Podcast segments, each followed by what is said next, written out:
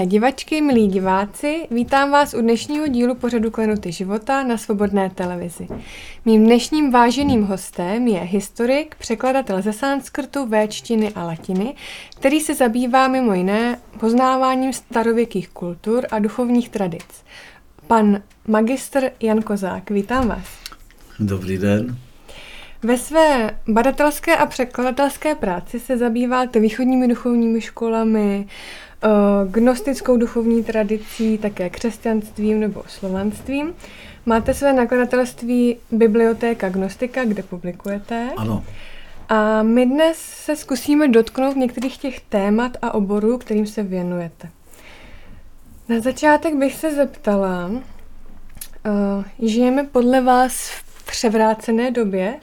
Uh, já myslím, že z hlediska subspecie eternitatis, eh, když se podíváme na uh, historii uh, v dlouhodobě, tak těžko můžeme něco nazvat převrácenecký. Ta každá kultura se postupně mění v civilizaci, to znamená v městskou jak společnost, kde trh a peníze začínají hrát čím dál tím eh, důležitější roli a eh, je to vždycky poslední úpadkový stádium každé kultury, takže z hlediska hm, eh, té balistické křivky každý rozkvětu a pádu civilizací, tak jsme teď opravdu v úpadkové době rozkladu.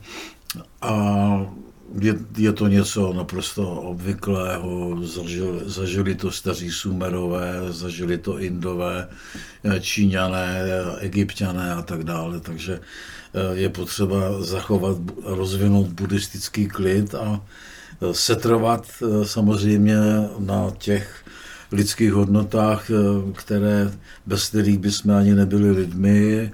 A tam statečně teda na tomhle poli se angažovat, ale s tím, že nějaký těleso po ztrátě nadzvedávající síly začne klesat dolů a padat, nemůžeme nic, nic dělat. Hmm. Já jsem to uh, spíš asi myslela tak, jako že uh, uh, co je pravda, je vlastně vydá, nebo co je lež, je vydáváno vlastně za pravdu a podobně, jo? nebo co je, co je světlo, je vydáváno za temnotu a že, se, že to vlastně takhle jakoby ano, se, to, se to převrací v dnešní době. Uh, tak eh, to určitě, eh, tady jde o to, že svět teda formují v zásadě a život dvě síly, které věčně stojí proti sobě. Staří gnostici tomu říkali světlo a tma a, a mysleli tím samozřejmě jako světlo poznání a tma nevědění. A tyhle ty síly eh, tady vždycky byly a vždycky budou.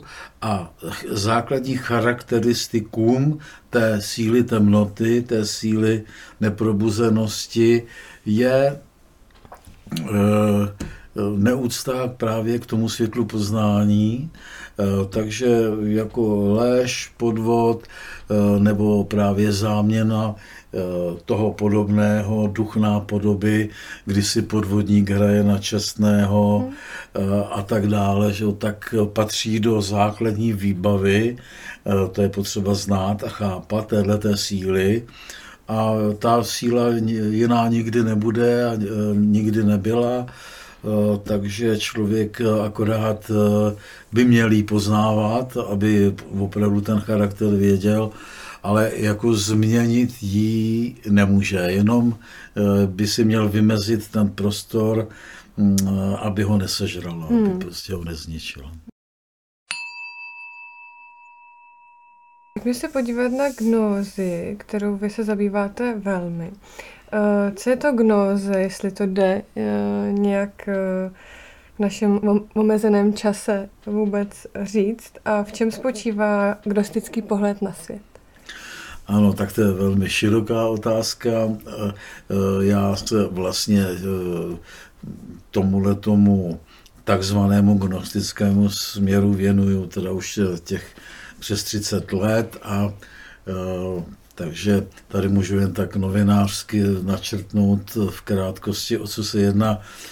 Jedná se o to, že jsem pochopil, že je to pravá součást nebo pravá taková zlatá žíla všeho toho, čemu můžeme říkat duchovní nauka, protože Eh, nauka, která, eh, jako třeba v židokřesťanství, která učí eh, to, že Bůh může existovat v těle, jako Ježíš Kristus židovský že v Bibli, nebo nauka zkrátka o tom, že všecko hmotné bylo stvořeno dobrotivým stvořitelem, který zkrátka všecko určil a stanovil a který eh, řídí taky naše životy a životy společností a tak dále, eh, tak eh, to všecko jsou omylné nauky, které byly způsobeny synkretizací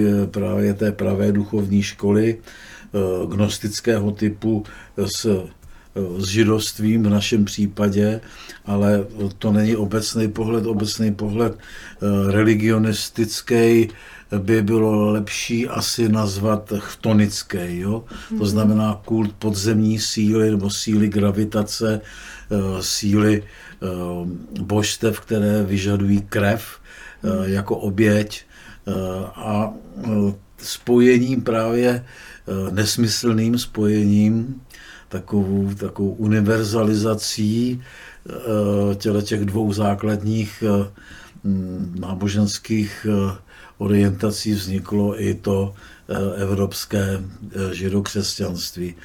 Eh, tak, takže tak noze v zásadě učí to, že tady existuje pevně daný svět, který se nazývá různě.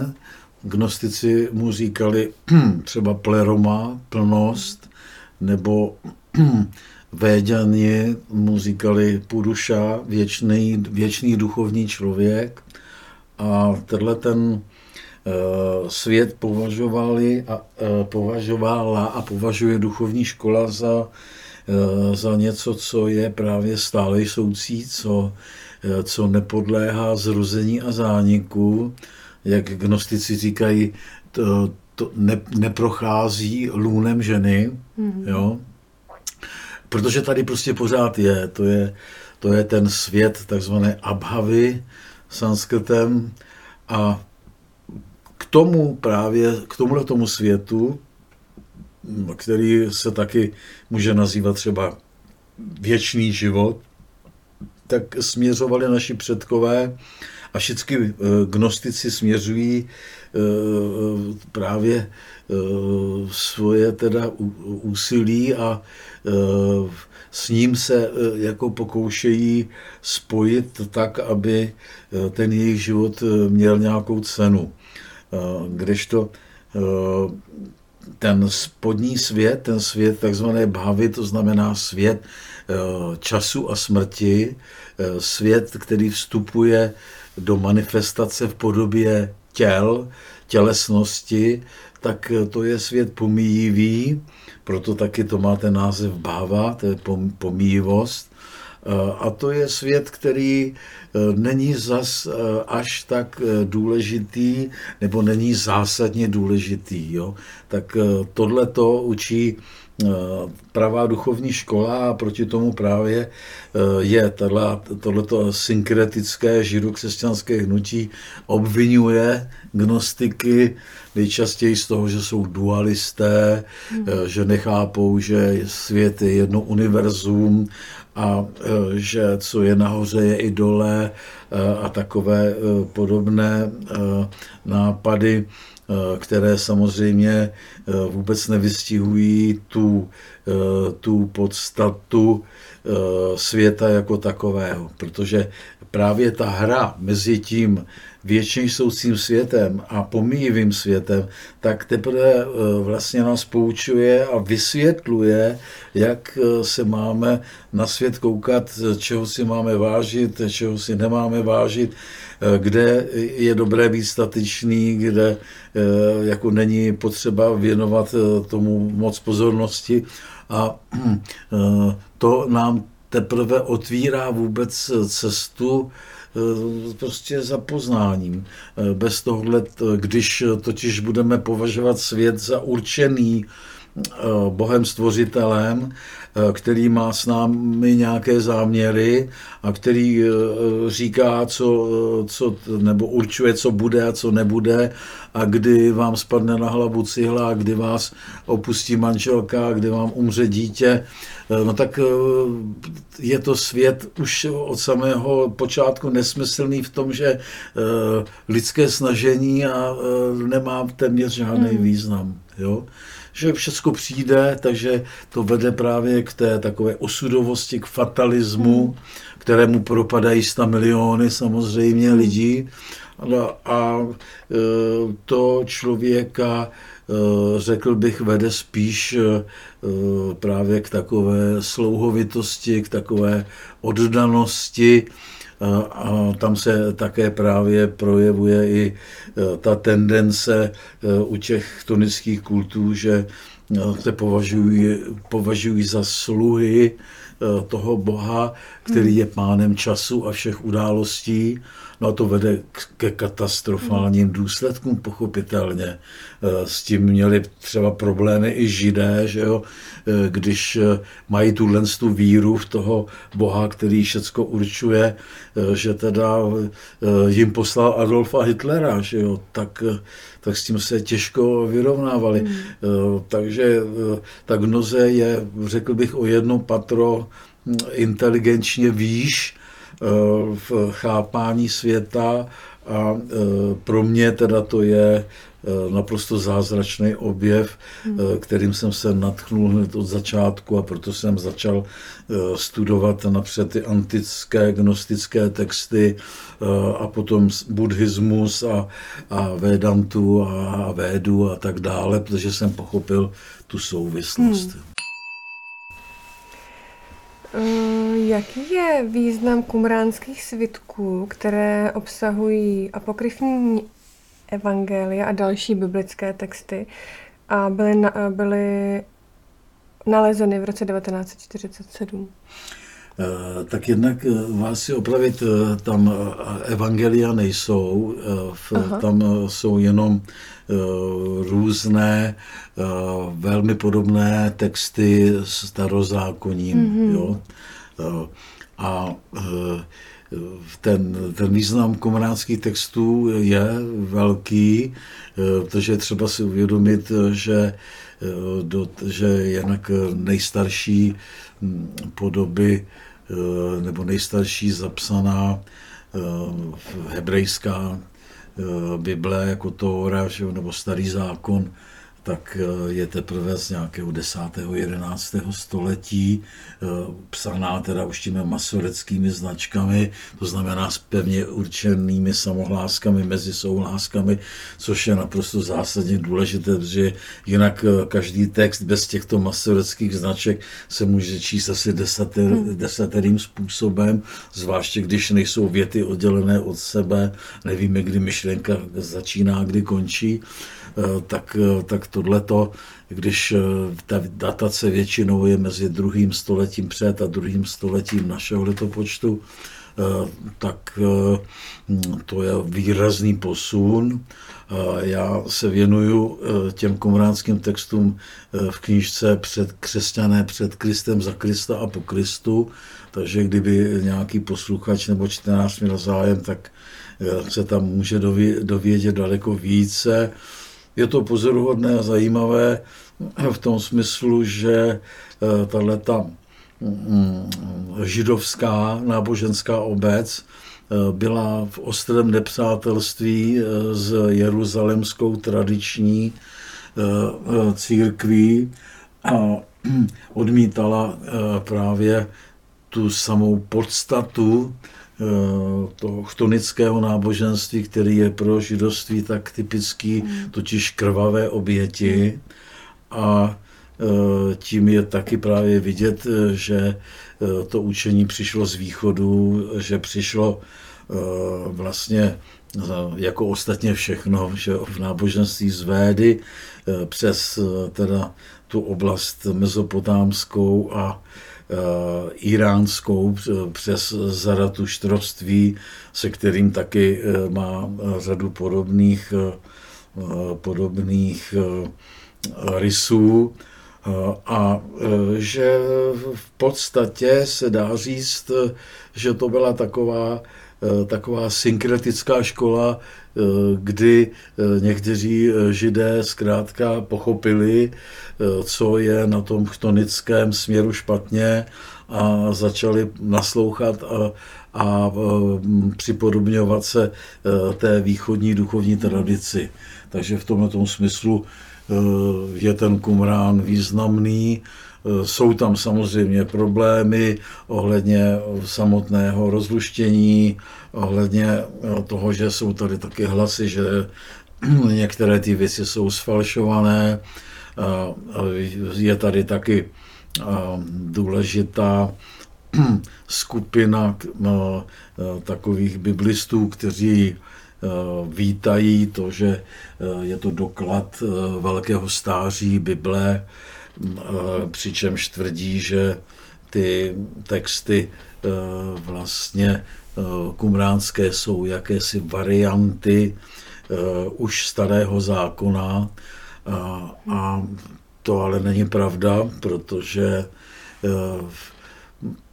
každý, kdo si ty texty eh, sežene a přečte, tak vidí, že eh, je to teprve přípravná fáze před vznikem starého zákona hmm. a hm, že eh, naopak teda vidí, že ty všelijaké takzvané důkazy o tom, že Bible je stará, Bůh ví kolik set let před začátkem našeho letopočtu a že Mojžíš žil v nějakém dávném, dávnověku a tak dále, takže to všecko jsou židovské výmysly a, a, a je to dobře, ale protože tam e, člověk teprve může pochopit celou tu genezi, kterou bez které vlastně nemůže tu Bibli číst, nemůže ji rozumět. Hmm. Jo? Bez toho pochopení vzniku.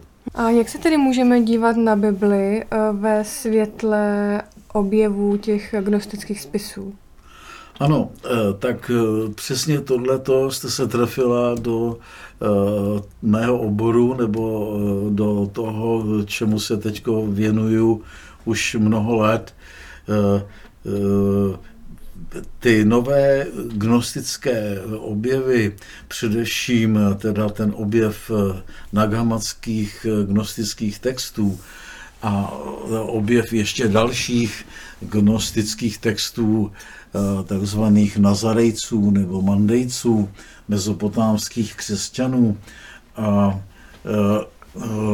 tím zdůraznění ještě několika dochovaných Eh, textů gnostických, které byly známy už eh, ve 20. století, které eh, víceméně ale zapadly a ne, neprokazovaly ještě tou svojí kvalitou, o co se přesně jedná, tak tyhle ty všechny objevy nám doslova proměnily pohled na svět a na dějiny, Eh, protože eh, se tady jedná o historické pochopení souvislostí takového asi rozsahu, jako byl eh, objev Mikuláše Koperníka ohledně pohybu hvězdné oblohy kolem hmm. nás. Hmm.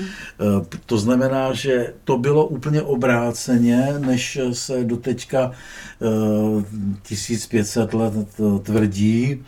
Eh, gnoze nevznikla eh, z, eh, z biblického křesťanství jako nějaká její uschlá nebo heretická větev, ale naopak židokřesťanství je heretická upadlá větev gnoze, protože gnoze má kořeny ve védě, v brahmanismu, v zaratuštrismu, zkrátka v pravé duchovní škole, která uctívala eh, světlo poznání jako to nejvyšší, eh, co člověk eh, má vzývat a co má sledovat, kdežto všechny tonické náboženské tradice ty útočí na to světlo poznání. Víte, že i na začátku Bible je jasně psáno, že Adam s Evou byli vyhnáni z ráje, protože eh, se odvážili eh, jíst ze stromu poznání, takže tím se ten chtonický židovský bůh prozradil, že to je tmář, mm-hmm. že to je eh, síla, která nefandí člověku a jeho inteligenci, ale fandí hlupákům, nevědoucím, kteří nemají poznávat, co je dobro a zlo, protože kdyby poznali, co je dobro a zlo, tak se v samotné Bibli píše, že by byli jako bohové. Mm-hmm. A to by teda eh, tím pádem asi toho chtonického boha neposlouchali. Mm.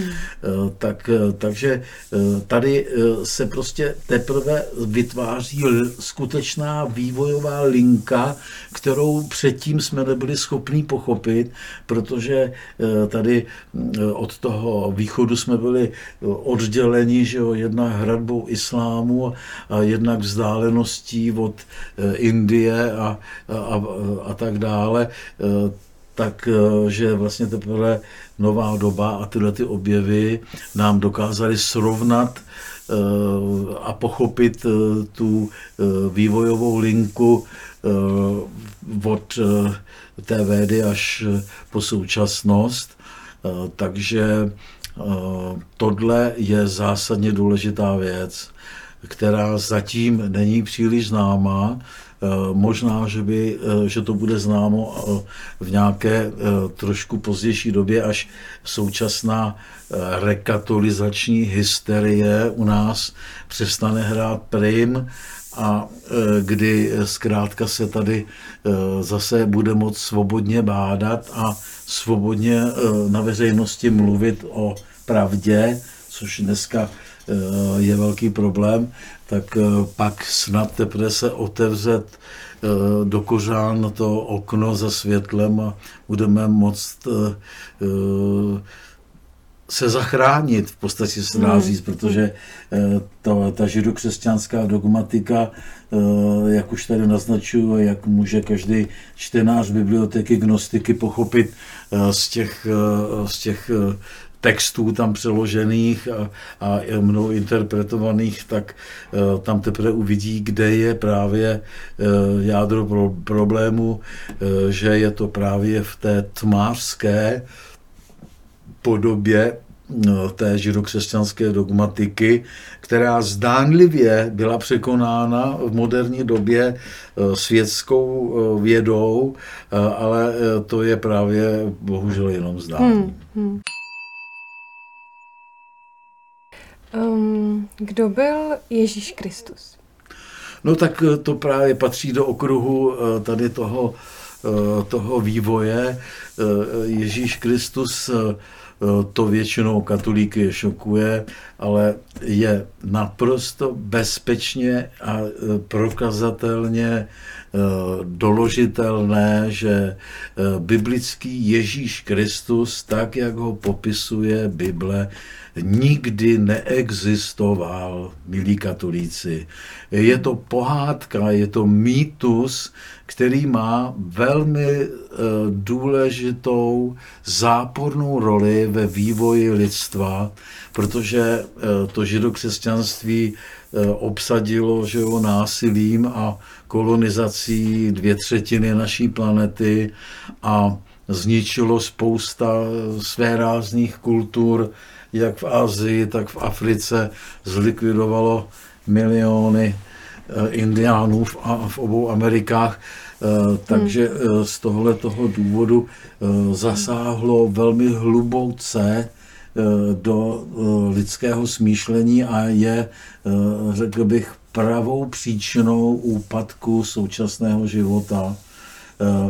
A jde o to, že se dá vysledovat, že ten spasitel, ta postava takzvaného spasitele je doložitelná už od védských dob, a Véda, jak známo, eh, tak je, stojí na prapočátku vůbec eh, indoevropské kultury, a dokonce možná eh, celosvětově na, na počátku člověka jako takového.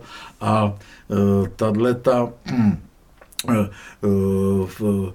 tam ta, ta postava toho spasitele není vůbec postava, ale je to, je to prostě Eh, vykřesávané světlopoznání nazývané soma, a, které má stovky jmén a jeden z, ze známých názvů tohohle toho eh, spacitele Somy, to znamená toho vykřesávaného světla poznání, je také Išas. Mm-hmm. A tenhle ten termín Išas se potom objevuje Eh, právě v různých podobách po celé ploše Ázie, eh, od teda Indie směrem na západ a v gnostických textech je právě také mm, psaný, psaný jenom I a S a nad tím taková,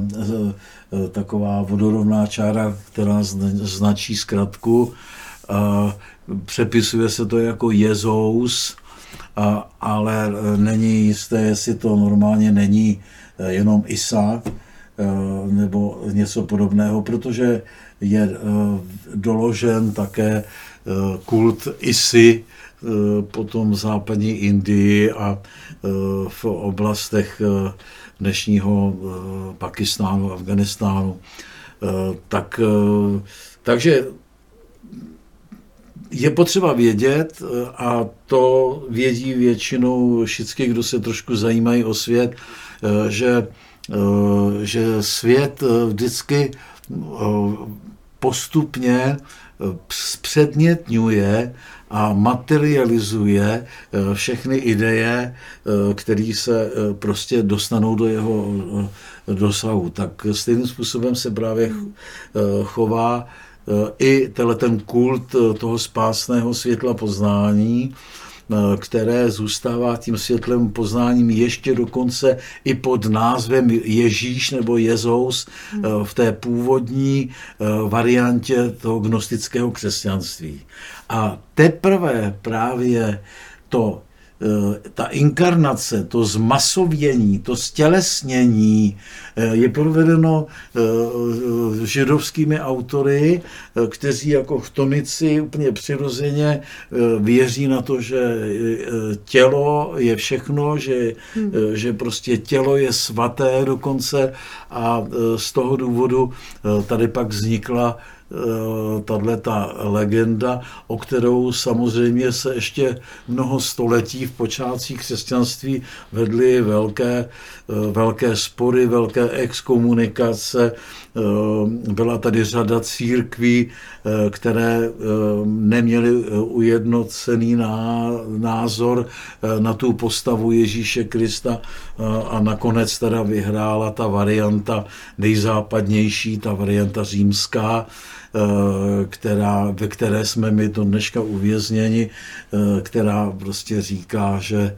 eh, že se tady narodilo děťátko, které se narodilo z pany, která byla oplodněna uchem, to znamená zvěstí o tom, že bude těhotná hmm. a která teda porodila ovšem ne imaginární, ale skutečné děcko z masa a kostí, přestože eh, jejím eh, teda partnerem nebo oplodnitelem eh, nebyl muž, ale byl to sám Bůh. Hmm. A, a tenhle ten bohočlověk nebo člověkobůh Eh, ten eh, tady potom eh, reprezentuje tu spasitelskou roli, která nahrazuje nebo takovým, řekl bych, až pantomimickým způsobem jako ve filmu znázorňuje to, co pro tisíciletí platilo eh, o eh, tom světle poznání. Jo? Mm. Takže to je takové stělesněné světlo poznání. Je to slovo tělem učiněno jest, taky se píše že jo, v Bibli. No a to je samozřejmě tragický omyl a nesmysl, který je příčinou doslova všeho zlého, co se děje na naší zemi hmm. a dokonce možná, že bude i příčinou zániku života na této planetě, eh, protože eh, zkrátka je to víra naprosto omylná, je to víra nevědomců, neprobuzených lidí, kteří si úplně pletou, co vlastně je člověk. Musíme si tady uvědomit, že eh, podle chtonických představ, a zvlášť teda u židovství, eh, to vím naprosto najisto, eh, tak ty, to jsou takový pomílenci, že se domnívají, že duše je krev, a že Jehova, to znamená ten židovský bůh, tuto krev potřebuje k tomu, aby byl silný a mocný. A dokonce, že právě ten ta obětina v podobě toho krvavého beránka, eh, když se podřízne a když se ta jeho krev vyleje do země, kterou ten Jehova chlemtá, aby byl mocný, takže eh, to je jakási zástupná oběť, eh, která nás má očistit od všech hříchů jo, od všech provinění. Hmm. No, tady vidíme, že zkrátka je to úplně jiná myšlenková tradice, než máme přirozeně v sobě, než mají dokonce lidi, kteří nikdy o e, žádné teologii ani nepřemýšleli, hmm. ale je jim úplně jasné, že vražděním e, nevinného zvířete se těžko může člověk nějakým způsobem očistit. Hmm. No ale je potřeba brát na vědomí a plně si uvědomovat realitu současného světa, že právě tito pomílenci, kteří tu krev vydávají za očistu a zabíjení vydávají za oběť k poctě chtonického boha, takže ty nám vládnou, ty tady hmm. všecko ovládají. To už samo o sobě je hrůzná pravda eh, a mě bylo by eh, zapotřebí tady v tomhle tom dojít v poznání trošku dál, aby jsme si tohoto všichni plně uvědomovali. Hmm.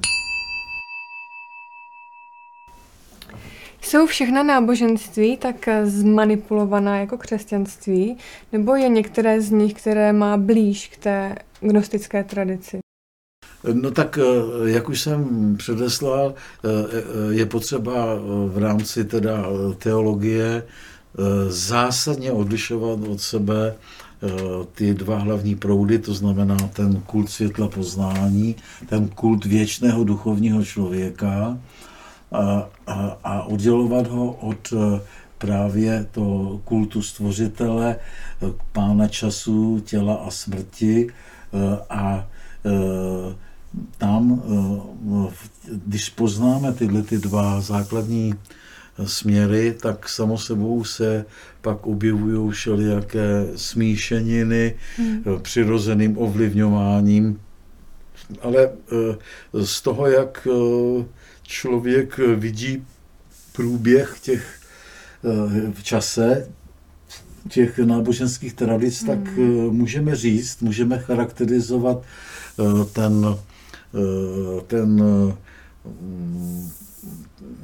ten rozvoj nebo vývoj, eh, takže na začátku většinou byl ten kult právě toho, té věčně jsoucí síly, to, toho, co provází, že jo, především hlavně indickou tradici, hmm. kde se nazývá Brahma, že jo, nebo právě Puruša, Eh, nebo i v Číně, že jo, která byla hluboce ovlivněna Indií, kde eh, taoismus pod názvem Tao v podstatě uh, uctívá že jo, toho, to Brahma Atma v takové akorát trošku své ráznější čínské podobě. A, a to samé jako v celé obrovské perské říši, která celá je příbuzná védě, takže ten džaratuštrismus je také ještě kultem Soomy, zvané tady Haoma, což je právě ještě eh, ten duchovní spasitel. Hmm. V Avestě můžeme právě číst o tom, jak za Džaratuštrou přijde, přichází Haoma v podobě člověka a uh, Džaratuštra ho oslovuje říká mu, vítej, ty dokonalý člověče, ale to všechno samo sebou, uh, to je, to je jak se to řekne, to je prostě jenom eh, symbolický obraz. Hmm. A jenom eh, úplný hlupáček může přistoupit k takovému textu, že ten Haoma byl člověk z těla, teda z masa a kostí, který přichází za Džaratuštrou, aby mu něco vysvětloval. Ale právě tam vždycky k této inkarnaci, k tomu zkonkrétnění Eh, směřuje všechno ve světě. To se dá dokázat nádherně v mnoha oblastech, že to není nikdy obráceně, že by z nějakého hmotného semínka se rozrůstal, rozrůstal život, až nakonec by dospěl eh, do nějakých duchovních říší, hmm. ale je to obráceně. Takže tyhle ty dva světy tady vždycky stojí proti sobě eh, a je to tak, že když se vyčerpá unaví, zemdlí tahle ta síla, která chápe ty věčně soucí hodnoty. Je to také často důsledkem uh, spohodlnění uh, tím, že ta společnost zdárná se rozvíjí a že je stále bohatší, no, všechno je jednodušší, takže se lidé můžou oddávat taky všelijakému nízkému epikurejství, jak by se dalo říct. A takže zkrátka se zavře potom ten pohled nahoru a zůstává tady jenom už ten pohled dolů e, k, k tělu, k zemi, k formě, jako, jako k absolutně všemu. Ta forma, to tělo se zboští, takže se uctívá potom boží tělo a hm, jak dosvědčuje eh, nejdůležitější, eh, řekl bych, svátek, kromě Velikonoc eh, v katolické církvi, totiž svátek božího těla, hmm. jo, tak tam je nádherně znázorněn právě ten vývoj z gnostického chápání religiozity do toho chtonického, protože tam jde o to, že Eh, ta, eh, ta hostie, eh, která, kterou pojídá křesťan, tak se při posvěcení knězem mění v opravdické tělo Ježíše Krista, hmm. ze kterého taky může téct krev. To je velmi zajímavé. Já o tom mám detailní znalosti, takže na přednáškách vysvětluju i, jak eh, k tomuhle svátku došlo, že tam dokonce figuruje i eh, moravský mm, kněz Petr, který, který se jde právě na tohleto zeptat eh, papeže. Všechno je to samozřejmě vymyšlené, jako ostatně v tom biblickém křesťanství všechno. Jo? Hmm. Čili naprosto vážně je třeba se, eh, se podívat na tu tradici jako na tradici eh, věčného lahaní a podvádění, protože to nám vysvětluje i jako dnešní svět. Eh, je, jestliže Ježíš Kristus nebyl a je vymyšlen, vylhán, Eh, jestliže jeho utrpení je vylháno, eh, jestliže životy svědců jsou vylhané v geografické literatuře, to psali jako v továrně na běžícím pásu, potřebovali pořád víc a víc mučedníků, tak si vymýšleli všelijaké mučednické příběhy. Jestliže v našem prostředí eh, svatý Václav, patron země, je vylhaná postava, která nikdy neexistovala, no tak potom samozřejmě, eh, že eh, můžeme teprve začít chápat, jak je možné, že zbraně hromadného ničení v Iráku žádné nebyly a přesto se tam na ně zautočilo, že v ukrajinské Buči to bylo obráceně a vraždili tam angličané ruské obyvatele Eh, kteří eh, si šli pro eh, potravinové balíčky, když ta, ta, to místo bylo obsazené ruskou armádou a čtyři dny po po odchodu ruské armády tam najednou byly nastrčené mrtvoly, tak konečně člověk tomu uvěří, protože normálně naivní prostý člověk, který v sobě nemá zakořeněné Eh, podvodnictví a prolhanost, tak prostě tomu odmítá věřit. Hmm. Jo. Hmm. Takže tohle je zásadně důležitá věc, postava eh, toho Ježíše Krista, a o tom se dá mluvit hodiny a hodiny, protože to je nesmírně zajímavé téma. Je to zajímavé. Co považujete za nejdůležitější archeologický objev eh, náboženského charakteru, kromě těch kumránských svědků třeba, které jsme zmiňovali? No tak, jak jsme zmiňovali, eh, nebo aspoň malinko snad jsme to zmiňovali, eh, tak samozřejmě je velmi významný ten objev Naghamatský, hmm. to je 53 raně křesťanských textů, které bývají nazývány gnostickými, hmm. ale ono to není eh, tak eh, správně, protože já jsem samozřejmě všechny ty texty důkladně eh, prostudoval a promyslel. Udělal jsem si dokonce takovou přehlednou tabulku, které ty texty jsou gnostické, které jsou polognostické a jsou tam i texty velmi, velmi no, prožidovské, protože eh, zkrátka eh, je potřeba vědět při studiu eh, náboženství, že ta pravá duchovní tradice spočívala v ústní tradici, nikoli v písemné. Tady se písmo dokonce zakazovalo. Takže jestliže se tady objevily už v tom raném křesťanství ty písemné zápisy, tak už vlastně Eh, se dá předpokládat, což dokazují ty texty, eh, že eh, to byli většinově židovští písaři, kteří tyhle ty písemnosti zachovali a je to také v těch textech znát. Oni jsou interpolované židovskými poznámkami, nebo dokonce jsou tam texty, které parafrázují právě gnozy takovým způsobem, že Eh, se snaží tu gnozi včlenit eh, do židovské tradice. A tohle je právě základní myšlenka, eh, která při výchově židokřesťanské, která trvá tady už tisíc let, tak přišli ti badatelé nebo ti teologové na ten názor, že gnoze pochází z židovství. Právě díky tomu, že je tam tolik židovského materiálu a že pro ně je nepředstavitelné, eh, že by eh, tohle to mohlo být jinak, že by to proměnilo někde jinde. No, tak eh, to je kapitola sama pro sebe, ty nagamatské texty.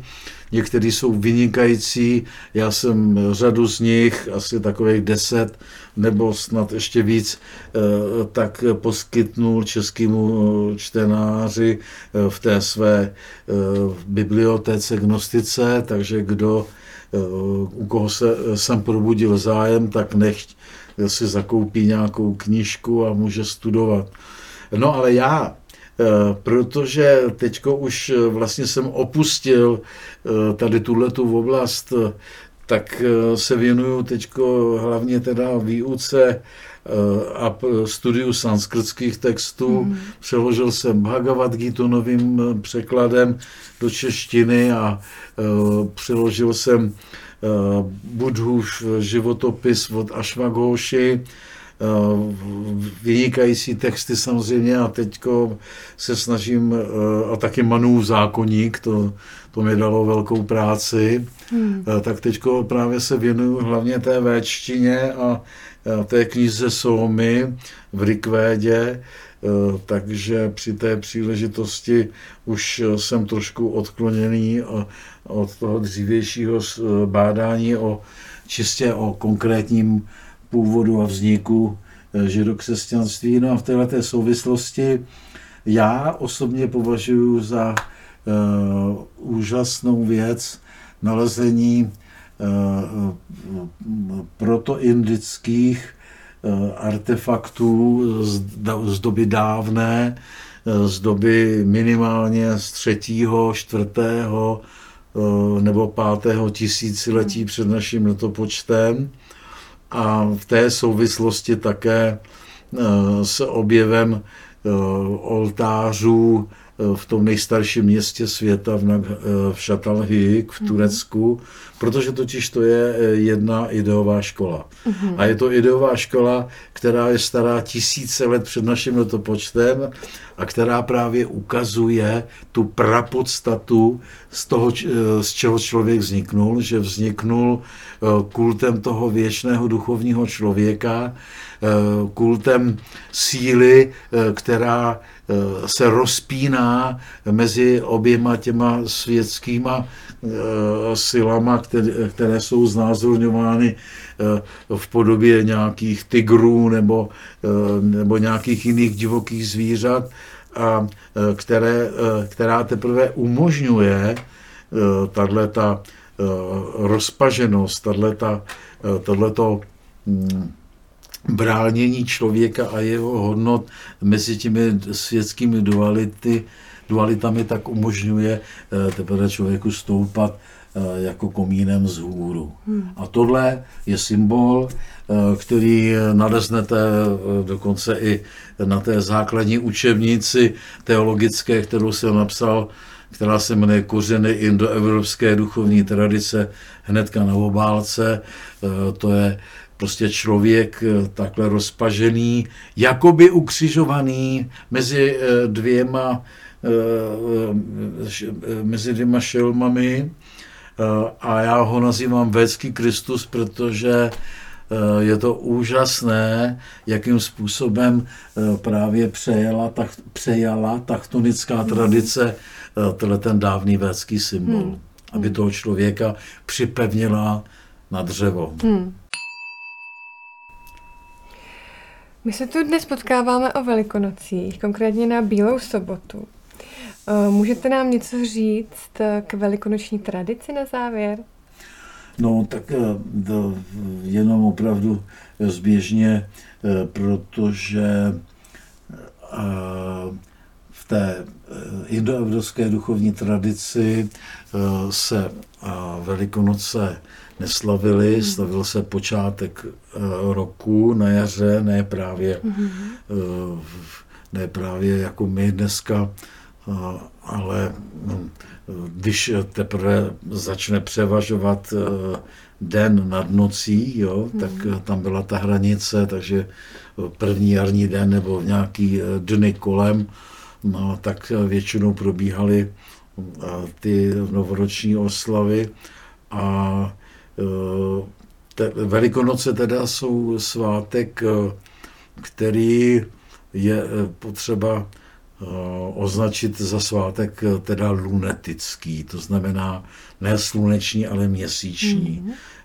Všichni víme, nebo možná nevíme, proto to radši řeknu, jak se stanovují Velikonoce.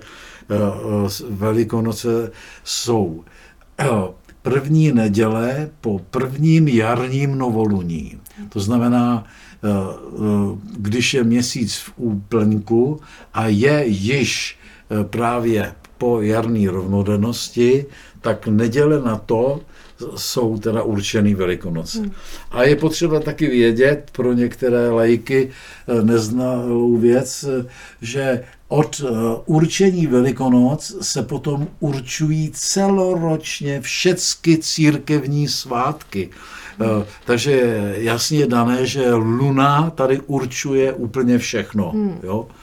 No a jak eh, jsem o tom se už zmiňoval, eh, chtonismus je eh, navázaný na lunu, chtonismus je duch nápodoby, chtonismus je se projevuje třeba v dnešní Indii v podobě šivaismu, kdy ten Šiva stejně jako židovský Jehova nahrazuje právě ten původní kult člověka, Eh, sám se také tváří, eh, že je ochránce člověka v indické tradici a opravdu, když jsem v té Indii byl, tak jsem viděl tam neskutečné hrůzné eh, výjevy Eh, jakože eh, ta šakty síla Šivova, to znamená bohyně Kálí, zobrazovaná v podobě děsné démonky s krvavými zuby a drápy, že jo, tak se tam schromažďují věřící a klanějí se jí a uctívají.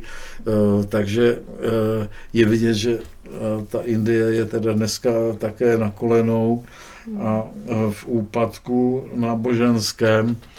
A tak,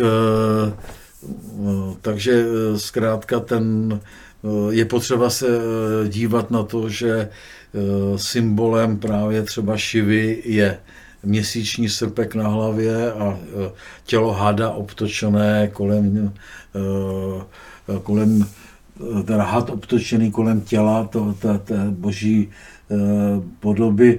No a to, to jsou typické znaky právě toho chtonického kultu, lunetismu.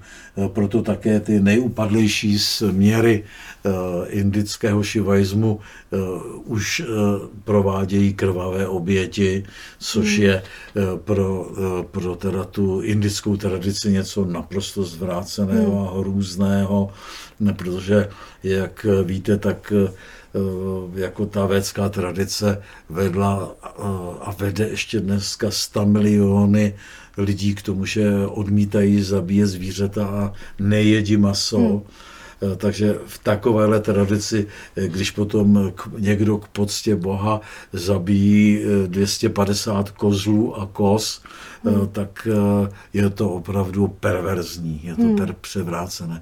Takže Tady o tom se dá samo sebou také eh, mluvit další dobu, je třeba mít nějaké etnologické vědomosti, eh, ta e, naše pohanská tradice slovanská, o které možná bychom e, ještě v budoucnu mohli trošku si popovídat, e, tak ta samozřejmě vychází z toho védského myšlení, z té původní védské kultury, která se rozmohla všude možně a byla zdrojem a začátkem mnoha náboženských tradic.